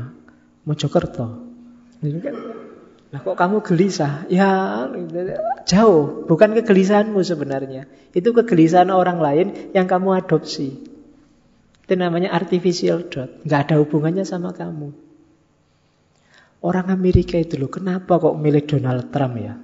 Harusnya kan jangan dipilih yang satu. Yo harusnya begitu. Demokrasi kan siapa saja. Yo tidak bisa. Terus kamu gegeran.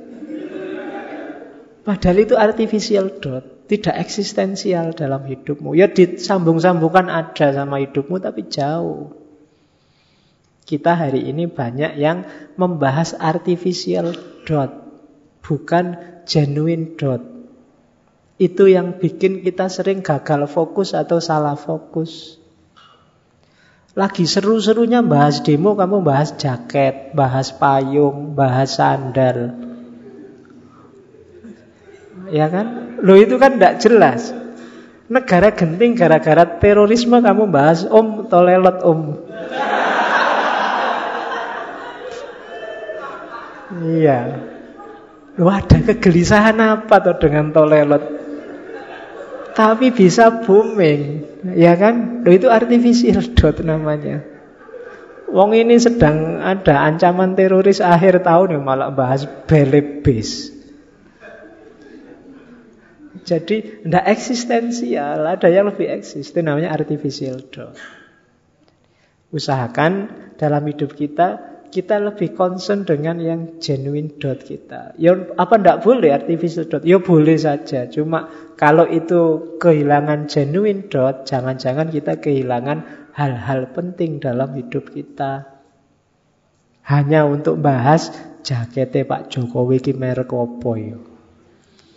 Sandalnya itu harganya berapa ya kan selalu begitu. Oke, jadi itu keraguan vs keyakinan. Terus dari situ ada konsep terkenal dari Charles Peirce namanya Theory of Inquiry. Theory of Inquiry itu sama kayak teori ilmiah, mengkaji realitas secara ilmu, secara ilmiah.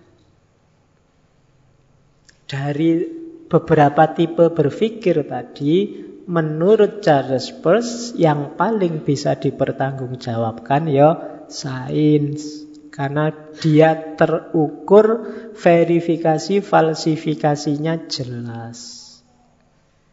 Jadi itu namanya teori of inquiry. Oke, yang paling terkenal dari Charles Peirce, kalau ini nanti mahasiswa pasti sudah ngerti dari filsafat ilmu atau metode ilmiah, yang paling terkenal dari Charles Peirce adalah valibisme. Valibisme itu adalah teori yang menyatakan bahwa kebenaran ilmu itu bisa salah, sifatnya tentatif. Itu namanya valibisme. Fokusnya pada teori itu bisa difalsifikasi. Jadi validisme itu keyakinan dalam dunia ilmu bahwa teori itu bisa salah. Kalau ada teori lain yang lebih kuat yang menantang teori lama, maka teori lama harus difalsifikasi. Ini namanya valibisme. Difalsifikasi itu dianggap keliru. Jadi sain sifatnya terbuka. Dia bisa digugurkan sewaktu-waktu kalau ada data baru, bukti baru yang lebih pas, lebih benar. Makanya di antara perilaku ilmiah itu harus mau menerima data baru. Menerima fakta baru, menerima bukti baru. Kalau ada orang anti dengan data baru, fakta baru, pokoknya yang lama yang harus pasti benar, ini namanya bukan perilaku ilmiah. Namanya perilaku ideologis. Nah, maunya Charles Peirce, orang harus masuk ke ranah inquiry. Kebenaran itu bisa salah kalau ada bukti baru. Yang baru ini bisa salah lagi kalau ada bukti baru lagi terus. Itu yang yang disebut namanya siklus empiris. Kalau dalam dunia ilmu eksakta. Kalau dunia ilmu sosial humaniora namanya makna baru, signifikasi baru. Oke, itu namanya validisme. Ya. Terus ini saya yang semiotiknya nanti sederhana, sedikit. Saya nggak perlu panjang lebar. Ini masih filsafat ilmu dan logikanya. Jadi ilmu itu terbuka, bisa disalahkan kalau ada bukti baru. Jalurnya ilmu, kalau ilmu eksakta, siklus empiris. Siklus empiris itu muncul fakta baru yang menjatuhkan teori lama, ya teori lama harus ganti. Ada siklusnya. Dunia sosial humaniora juga begitu. Kalau ada makna baru yang mengganti makna lama, ya makna baru ini yang dipakai. Terus dari situ ketika berakhir di makna baru, kenapa sih kok makna baru yang dipakai? Karena makna itu dasarnya pragmatik. Kenapa kok tidak makna lama saja? Kan sama-sama rasional Pak. Engkau nggak pakai makna lama saja. Kalau pakai makna lama dia tidak operatif. Tidak ada gunanya teori yang tidak operatif, tidak pragmatis. Tidak ada hasilnya, tidak ada efeknya. Dari situ lahir pragmatismenya. Jadi pragmatisme itu Cirinya tiga. Kalau kalian ingin melihat apakah ini pragmatis apa enggak ya. Yang pertama apa? Dia bisa dilihat langsung, dipahami langsung dari pengalaman sehari-hari. Misalnya kamu punya teori roti bakar itu rasanya manis. Bisa dialami langsung enggak? Kalau bisa, pragmatis. Ada nilai pragmatisnya. Oke. Tapi kalau kamu ngomongnya roti bakar itu bikin perasaan kita melayang-layang dan susah. Susah. Diverifikasi di level pengalaman susah. Terlalu melangit. Jadi cari yang langsung aja. Ada bukti faktanya nyata. Pacaran itu mendukung kuliah. Buktinya ini yang pacaran, IP-nya tinggi, lulusnya cepat. Ini yang tidak pacaran, sumpek tiap hari nggak lulus-lulus. ini contoh pragmatis. Jadi dalam pengalaman bisa langsung ditunjuk. Yang tidak bisa ditunjuk langsung di pengalaman sehari-hari itu biasanya cuma ranahnya ranah metafisik yang benar salahnya spekulatif. Tapi yang pragmatis ini bisa ditunjuk langsung. Karena bisa ditunjuk langsung, bisa didefinisikan. Cirinya yang kedua itu. Kalau susah didefinisikan itu alamat bulat sudah. Biasanya faktanya juga susah. Damai itu apa sih? Damai itu panjang lebar berarti susah, susah. Abstrak itu berarti, tidak pragmatis. Bisa didefinisikan. Kemudian yang ketiga, akibatnya jelas. Dampaknya jelas. Dari teori itu. Faktanya ini, kalau diyakini untungnya ini. Kita bisa ngambil manfaat ini, itu jelas. Misalnya tadi roti bakar itu manis. Padahal di sini diabetes semua. Nah itu kan berarti apa? Pragmatis, jelas. Ada jelas efeknya. Atau yang punya penyakit itu jangan dimakan karena itu manis, ada gulanya dan seterusnya. Berarti statement bahwa roti bakar ini manis bernilai pragmatis. Beda sama statement bahwa orang sabar itu pada akhirnya akan sukses hidupnya. Nah, ini agak bulat.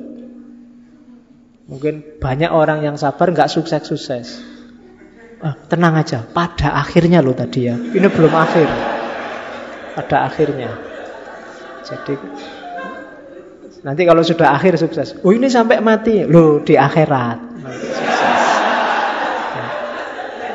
ya jadi nah ini ndak ada faktanya berarti apa ndak pragmatis itu menangi dewe kalau itu kan jadi raiso salah pokoknya harus benar itu ndak pragmatis namanya jadi bisa didefinisikan faktanya bisa ditunjuk dan efeknya jelas nah dari pragmatisme itu nanti lahir logika yang sangat terkenal dari Charles Peirce namanya abduksi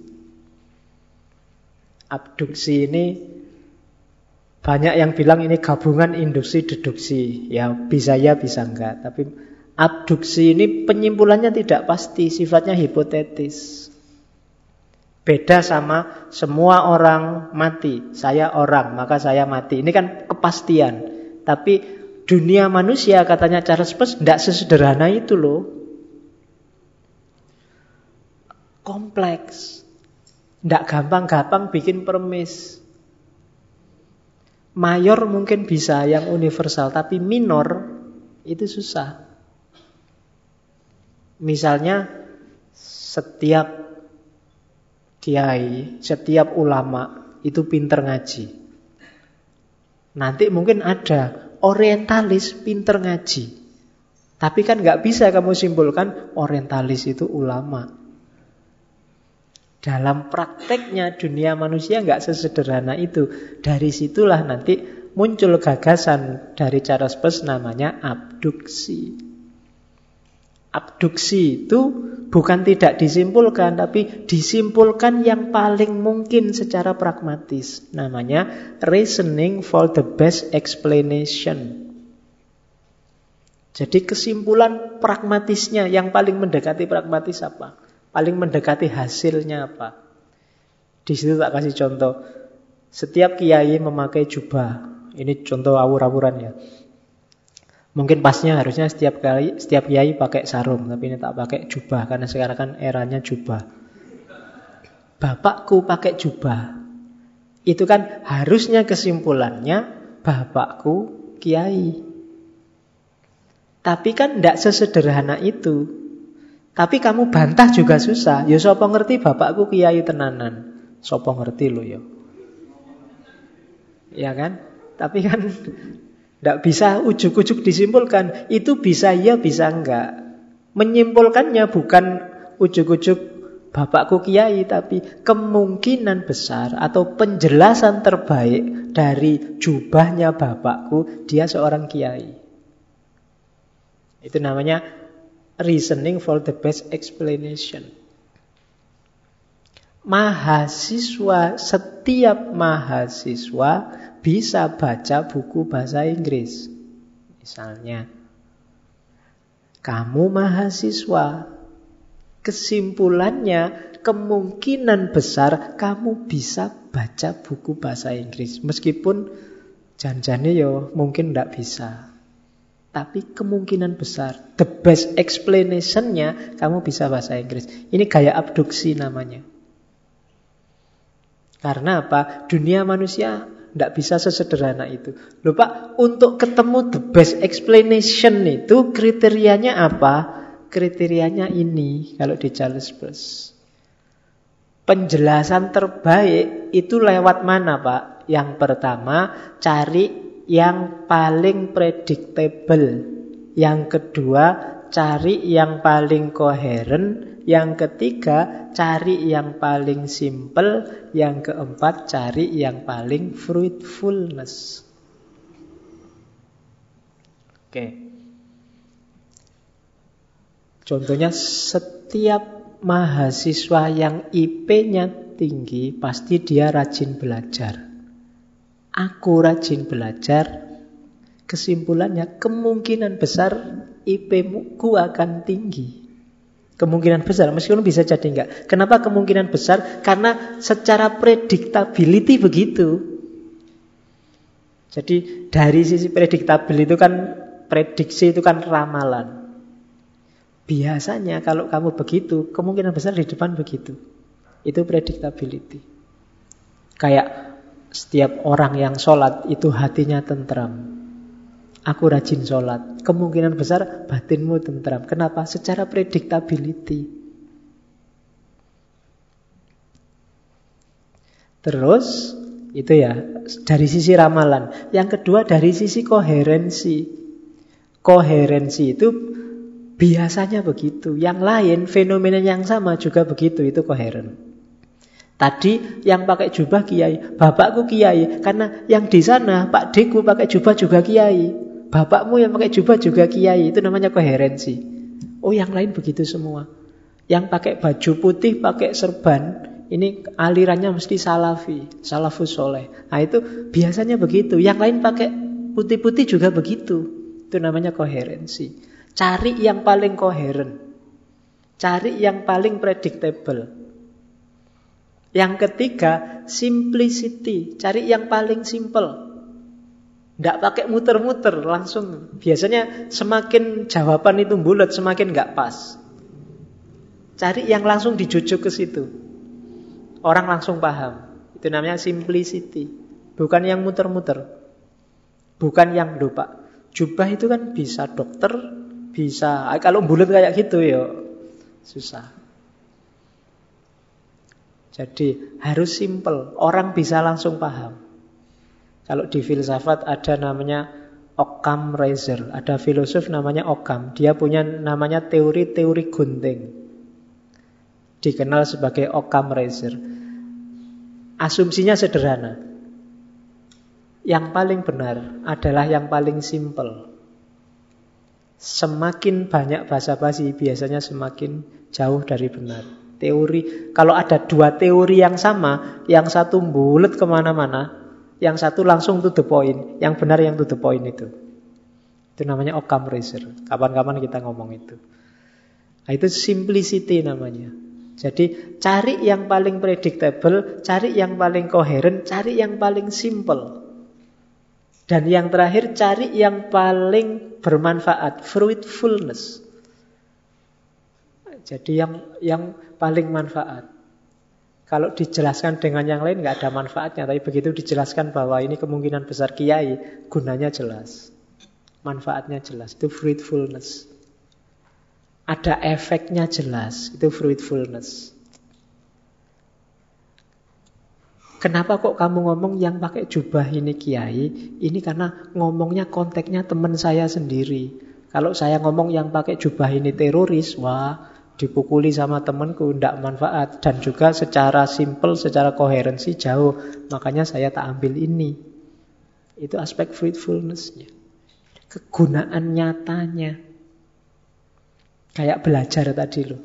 Belajar itu bikin IP-mu tinggi. Itu fruitfulness-nya jelas. Dalam dunia nyatanya efeknya jelas. Jangan nyari yang efeknya tidak jelas. Gitu loh. Oke. Melean itu bikin kita lebih tinggi IP-nya misalnya. Ini mungkin ya, tapi tidak jelas. Tidak bisa pasti. Fruitfulness-nya tidak ada. Itu logika semacam ini namanya abduksi. Jadi tidak sepasti induksi dan deduksi karena yang diomongkan manusia. Manusia tidak bisa eksak. Selalu sifatnya tergantung. Tidak mesti. Maka itu logikanya pakai abduksi. Manusia itu kan serba nggak mesti. Punya duit banyak mesti seneng ya? Enggak. Punya pacar cantik seneng enggak? Enggak mesti. Itu manusia. Cuma kan gitu. Kalau pakai abduksi, yang punya pacar cantik kemungkinan besar dia seneng, bahagia. Kalau tidak begitu, kamu akan nyari yang jelek. Buktinya kan kamu selalu nyari yang cantik. Nah, itu kriteria fruitfulness namanya. Kemungkinan besar. Ya meskipun ada yang mungkin pikirannya rodo aneh. Saya pak nyari yang jelek pokoknya. Tidak mau yang cantik. Nah, itu kan nggak bisa masuk logika ini. Tapi dia tidak fruitfulness, tidak koheren. Yang lain nyari cakep kok kamu nyari jelek sendiri. Berarti nggak masuk hitungan. Karena koheren itu yang lain ya nyarinya mesti yang yang menurut dia cakep. Jadi predictable, coherent, simple, fruitfulness. Itulah parameternya abduksi yang punya Charles Peirce. Nah, dari abduksi yang pragmatis tadi baru lahir semiotik. Abot koi baru Tinggal 15 menit terakhir kita ketemu semiotik. Ya, nah, semiotiknya sederhana meskipun di buku-buku bulat. Jadi semiotik itu kalau di Charles Peirce isinya tiga. Ya sama sih ilmu tentang tanda, cuma ada level sintaksis, ada level semantik, ada level pragmatik. Sintaksis itu fungsinya ini kayak tata kalimat kemarin. Urusan grammarnya itu sintaksis. Ada semantik. Semantik ini ngomong makna hubungannya dengan tanda-tanda yang lain. Ini lebih dekat ke struktural kemarin. Itu levelnya semantik. Ada yang pragmatik. Kalau pragmatik ini yang dimaui oleh Charles Peirce. Bagaimana pertukaran tanda dalam kehidupan sehari-hari. Bukan lagi ini maknanya apa dalam struktur apa, tapi bagaimana praktek memberi dan menerima tanda dalam kajian semiotik. Jadi tiga menurut Charles Peirce isinya semiotik itu sintaksis, semantik, dan pragmatik. Jadi dia tidak lagi fokus ke struktur kayak Desosur atau Roland Barthes kemarin. Terus, nah ini yang paling terkenal dari Charles Peirce, triadik, namanya triangle meaning semiotik. Ada representamen, ada objek, ada interpretan. Jadi mikirnya nggak usah bulat. Representamen itu tandanya, objek itu sesuatu yang diwakili oleh tanda itu, interpretan itu maknanya. Gampang-gampangannya itu. Ya. Misalnya, contoh paling gampang yang sering kita pakai sehari ini lampu merah. Lampu merah itu sebagai tanda objeknya lampu yang warnanya merah, interpretannya berhenti. Jadi representamen, objek, interpretan. Jadi objeknya itu barangnya.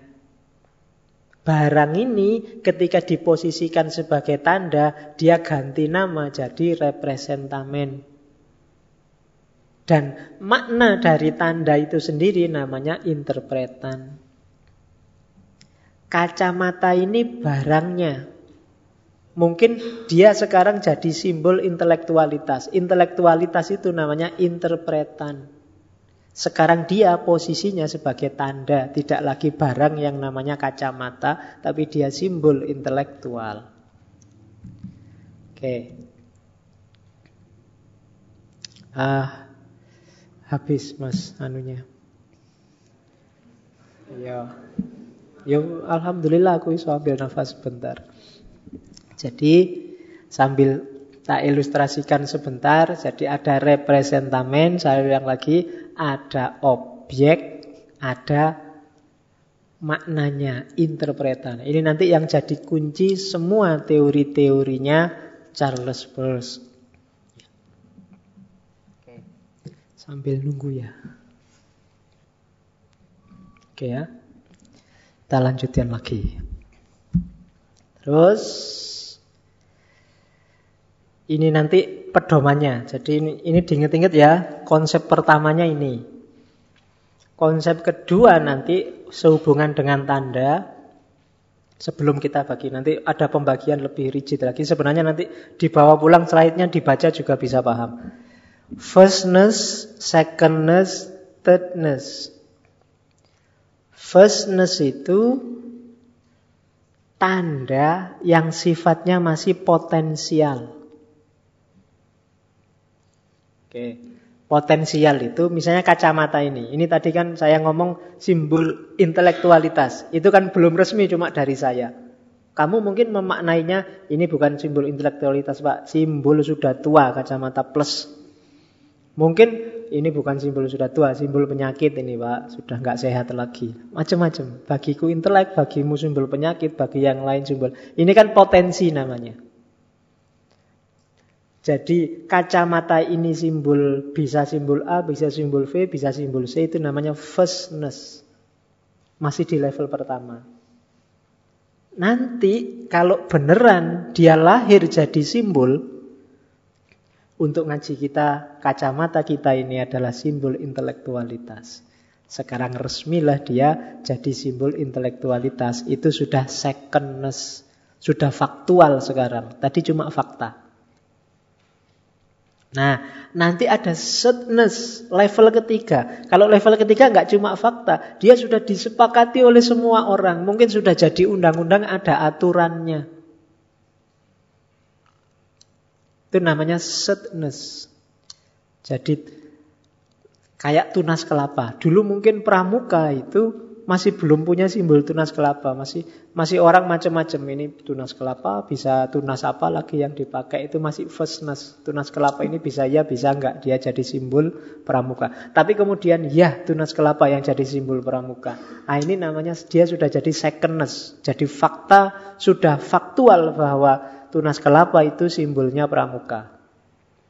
Kemudian ternyata ada undang-undangnya, dibikin ADART-nya, aturannya, rule-nya dalam pramuka bahwa simbol resmi pramuka adalah tunas kelapa. Ini sudah jadi setness. Tidak sekedar disepakati secara faktual, ada aturan formalnya. Untuk memudahkan, kalau pakai bahasa ringkas, Firstness itu masih potensial, secondness itu sudah faktual, kalau thirdness itu formal. Nah, itu ya. Oke, saya lanjutkan. Yang belum paham rekamannya diulang. Terus ini nanti nggak usah bingung dengan gambar rumit ini. Satu, dua, tiga itu berarti sadness, secondness, dan thirdness.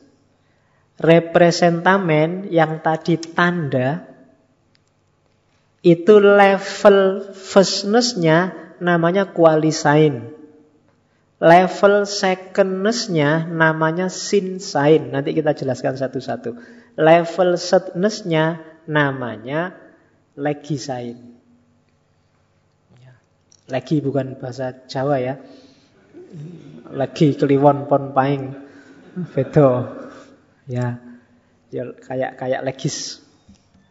Legisain level objeknya firstness-nya namanya icon. Secondness-nya namanya index setness-nya namanya simbol kalau makna interpretan itu kan maknanya Firstness-nya namanya rema. Rema ya, nggak ada iramanya. Secondness-nya namanya desisain. Thirdness-nya namanya agmen. Oke, ya. Saya teruskan karena penjelasannya masih langsung contoh.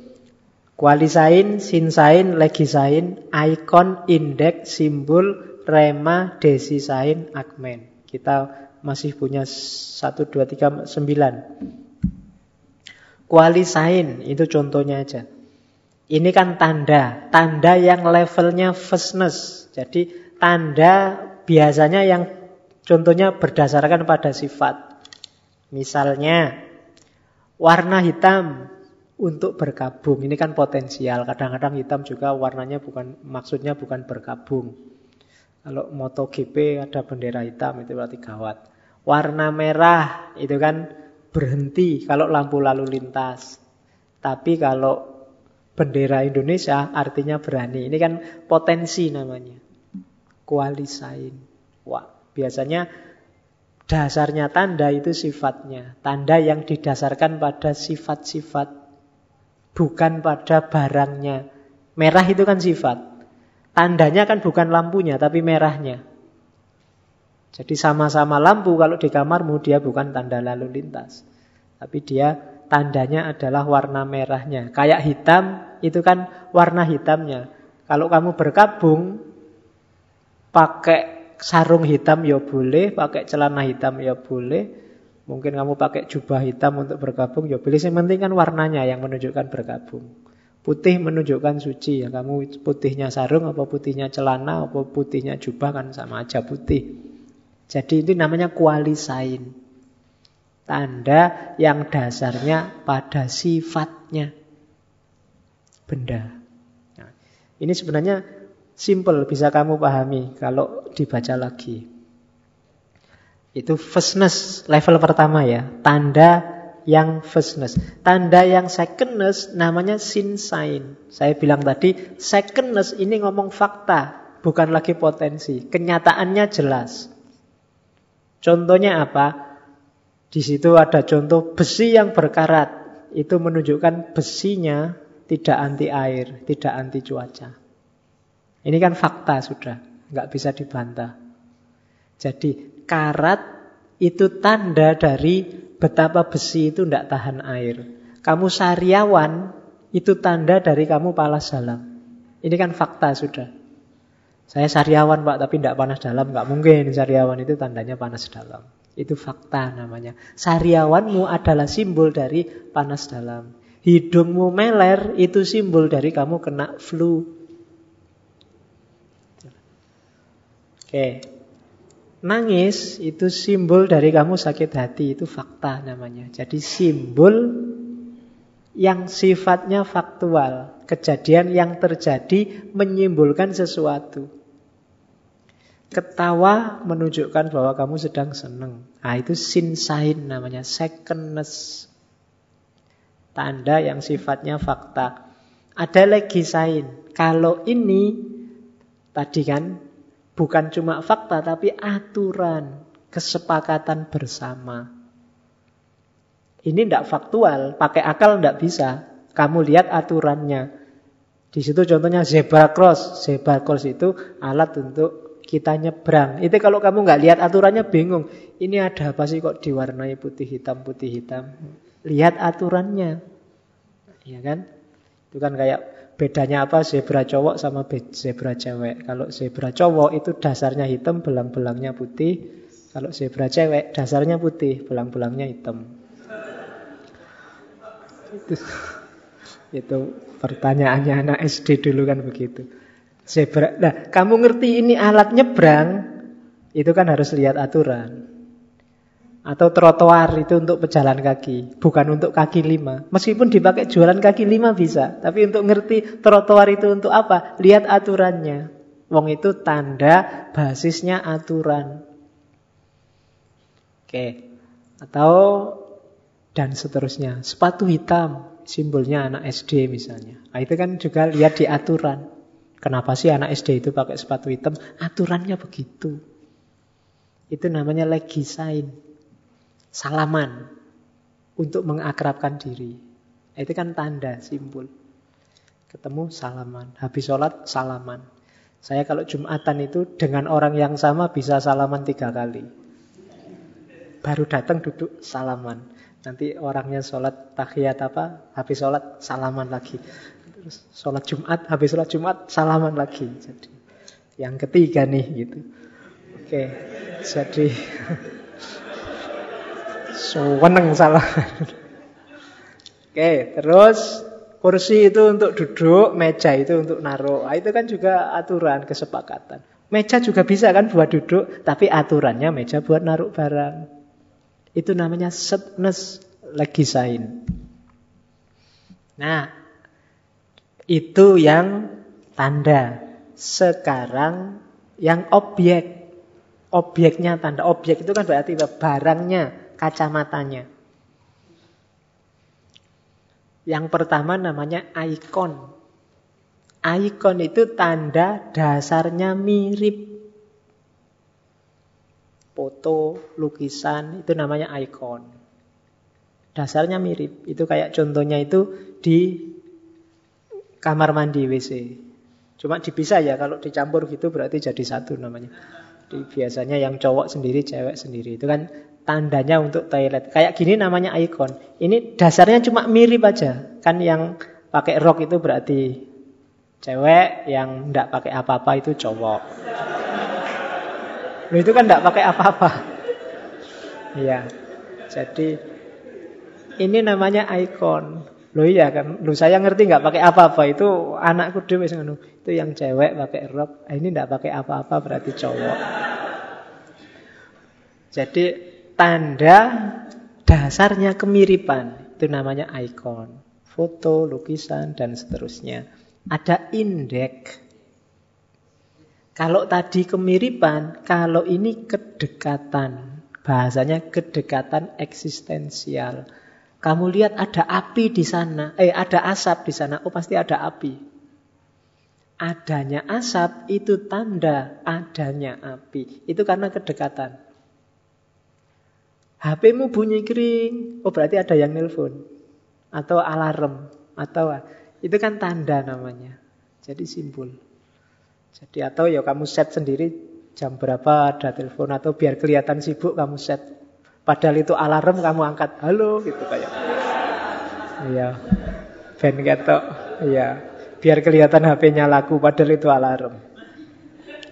Oke, jadi itu namanya indeks. Dilihat dari kedekatan, mendung tandanya hujan, menguap tandanya menguap bukan dari air jadi uap ya. Jadi oh, menguap kamu, wah itu berarti ngantuk. Itu tandanya ngantuk. Itu namanya indeks, secondness, ngomong fakta. Terus ada yang ketiga, setness. Ini yang tadi, setness itu kan kesepakatan tadi. Simbol. Setness, ya, yang ketiga, kesepakatan lambang negara kita burung Garuda itu sadness. Lambangnya Facebook ya huruf F, lambangnya WhatsApp huruf W, lambangnya Twitter huruf T. Enggak ya, lambangnya Twitter gambar burung. Nah, itu simbol kesepakatan kalau ini. Lihat aturannya, kamu nggak bisa ngarang sendiri. Lambang Indonesia itu komodo, Pak. Lebih Indonesia. Tidak bisa. Itu setness. Ya, kalau ini kesepakatan. Tidak bisa ngarang sendiri. Nah, ini simbol level ketiga. Objeknya simbol level ketiga. Namanya setness. Nah, yang terakhir makna. Ada makna levelnya firstness. Firstness ini memaknai dengan kemungkinan. Kan ini masih tadi kan probabilitas, jadi yo isinya mungkin atau tidak mungkin. Besok mungkin kamu jadi guru karena kamu omongnya banyak. Besok bapak ke Jakarta. Mungkin bulan depan kebutuhan pokok naik dan seterusnya. Ini namanya firstness dari segi interpretan, namanya reme. Reme ireme. Oke, terus. Jadi ini firstnessnya. Yang kedua desain. Kalau desain ini memang fakta. Makna yang berdasarkan fakta. Indonesia punya banyak budaya. Warna bendera kita merah putih. Pokoknya yang ngomong fakta ya. Kamu memaknai sesuatu, maknanya sesuai fakta. Itu namanya desain, secondness. Yang ketiga, argumen. Argumen ini setness. Kalau ini ya bahasanya kesepakatan, cuma bukan kesepakatan dalam arti intersubjektif, tapi sifatnya umum, semua orang menerima. Namanya argumen. Kalau argumen ini ya masuk akal semua, sifatnya rasional. Ini semua orang menerima. Misalnya, ini copy paste dari buku ya. Bandi anak bodoh, Bandi tidak belajar. Maka Bandi ranking terakhir di kelas. Ini argumen namanya. Sudah bodoh, tidak belajar lagi. Yo rankingnya terakhir, masuk akal. Oh, semua orang bisa menerima. Tapi kalau Bandi akhirnya ranking satu, nggak ada orang terima. Ya, kayak gitu, tidak jadi argumen. Untuk jadi argumen dia harus umum. Alurnya diakui semua. Ibu akan sedih apabila aku tidak pulang. Eh ternyata ibu nggak sedih. Kenapa? Karena aku pulang tepat waktu. Nah, itu namanya argumen. Model pemanaan semacam ini, ini namanya setness. Semua orang setuju. Kenapa? Ya rasional. Di mana-mana juga begitu. Ini namanya setness. Jadi disepakati bersama. Jadi ada Firstness, secondness, thirdness. Ada argumen, desain, reme. Ada simbol, ada indeks, ada icon. Ada legisign, ada sign, ada qualisign. Ya, petanya semacam ini. Nanti silahkan kamu ulang lagi dibaca. Kamu copy PowerPoint-nya. Oke ya. Itu juga penjelasan detailnya hubungan antara tanda saya kira sudah tak jelaskan tadi.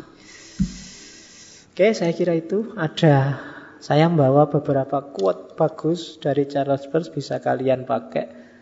Rule of reason, aturan nalar, aturan rasio itu in order to learn you must desire to learn. In so desiring not be satisfied with what you already inclined to think. There follows one corollary which itself deserves to be inscribed upon every wall of the city of philosophy. Do not block the way of inquiry.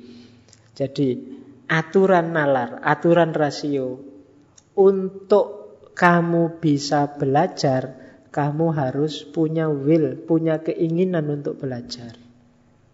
Kemudian untuk bisa kamu punya keinginan belajar, kuncinya apa? Jangan puas dengan kecenderungan pikiranmu sendiri. Kalau kamu puas, kamu tidak akan belajar. Karena kamu sudah merasa benar. Jadi jangan pernah merasa puas dengan pokoknya yang benar ini Pak menurut saya dan selesai di situ. Kamu tidak akan jadi belajar. Berarti kamu tidak ingin belajar. Jadi in so desiring not be satisfied with what you already inclined to think. Terus katanya Charles Bass, there follow one corollary. Ini loh, tak kasih kata-kata yang bagus kamu tempelkan di tembok kota filsafat. Ini bahasanya dia. Apa? Do not block the way of inquiry. Jangan dibendung, jangan dihalangi jalan untuk telaah. Jalan untuk ingin tahu, jalan untuk mempertanyakan, jalan untuk biar aja. Pertanyakan apa saja, itu tanda kamu mau pinter. Ragukan apa saja, tanda kamu akan dapat banyak pengetahuan. Jadi katanya Charles Peirce, tempelkan ini di pintunya, di temboknya kota filsafat. Do not block the way of inquiry. Terus ada lagi yang menurut saya bagus. All human affair rest upon probabilities. And the same thing is true everywhere. If man were immortal, he could be perfectly sure of seeing the day when everything in which he had trust would betray his trust and in short of coming eventually to hopeless misery. Semua manusia, semua urusan manusia itu dasarnya adalah probability, kemungkinan, ketidakpastian. Dan ini berlaku bagi segala hal. Kalau ada orang yang abadi, ia akan ia pasti melihat satu hari di mana semua yang dia percayai, kepercayaannya akan runtuh, akan terkhianati. Dan dia akan jatuh pada kepedihan tanpa harapan. Jadi ini dia mau bilang hidup ini totali secara umum tidak pasti. Kalau tidak percaya cobalah besok kamu hidup umurmu panjang immortal. Lama-lama kamu akan tahu bahwa yang kamu percayai sebagai benar itu ternyata keliru. Satu demi satu terbukti keliru, keliru, keliru. Sampai kamu bingung sendiri, sumpek sendiri, hopeless. Ternyata keliru kabeh yang tak yakini selama ini. Karena apa? Hidup ini tidak mesti. Maka jangan merasa final dengan yang kamu merasa bisa hari ini. Terus terakhir, my language is the sum of total of myself. Jadi bahasaku adalah totalitas diriku. Jadi ini menurut saya bagus buat kalian yang senengane posting, senengane nulis status senengane ikut-ikutan geger debat di banyak forum, banyak grup. Perhatikan bahasamu menunjukkan totalitas dirimu. Yang suka maki-maki, yang suka sinis, yang suka tolelot, nah itu menunjukkan dirimu. Ya, itulah dirimu. Jadi kalau kamu ngomong jelek tentang orang lain, itu sebenarnya orang lainnya tidak pasti jelek, yang pasti jelek kamu yang ngomong jelek. Rumusnya begitu. Kalau kamu menunjukkan rendahnya orang lain, orang lain bisa benar memang rendah atau mungkin dia tidak rendah, tapi kamu yang ngomong rendah, pasti kamu sudah rendah. Itu karena apa? My language is the total sum, the sum total of myself. Eh, masih ada. Ya. Oke, ini untuk kalian yang suka filsafat, let us not pretend to dot in philosophy what we do not dot in our head. Jangan sok filosofis. Jangan pura-pura meragukan sesuatu secara filosofis apa yang tidak kamu ragukan dalam hatimu. Karena ada orang sok filosofis, sok gaya, sok analistis. Padahal itu tadi bukan problemmu, bukan kegelisahan realmu. Gelisahkanlah hidupmu sendiri. Yang menggelisahkan hatimu sendiri. Jangan menghabiskan waktumu untuk meragukan sesuatu yang tidak ada hubungannya dengan dirimu. Eman-eman. Sama-sama mikir, sama-sama habis energi, perhatikan dirimu sendiri dulu sebelum memperhatikan orang lain atau urusan lain yang tidak ada hubungannya dengan dirimu. Let us not pretend. Pretend itu pura-pura. Seolah-olah penting terus kamu gegeran, debat, macam-macam. Padahal itu tidak eksistensial. Not pretend to dot in philosophy. What we do not dot in our heart. Apa yang Jangan-jangan tidak masuk ke hati itu. Hasilnya apa aja kamu tetap bisa ketawa-ketawa. Itu berarti bukan urusanmu. Jadi we do not doubt in our heart. Nah, ini sindirannya Charles Peirce bagi mereka yang belajar filsafat dan ingin jadi ilmuwan, ingin jadi filosof. Carilah kegelisahanmu sendiri yang genuine. Jangan menghabiskan waktu untuk ngurusi kegelisahannya orang lain sementara dirimu sendiri terlantar. Oke, saya kira itu sudah lebih 10 menit. Semoga sedikit banyak ada manfaatnya. Minggu depan kita ketemu tokoh semiotik terakhir untuk bulan ini Umberto Eco. Beliau ini malah tidak tidak hanya dikenal semiotik tapi orang sering menyebutnya hipersemiotik. Kita lihat minggu depan ada pikiran-pikiran apa. Kurang lebihnya mohon maaf. Wallahul muwafiq. Wallahu a'lam bisawab. Wassalamualaikum warahmatullahi wabarakatuh.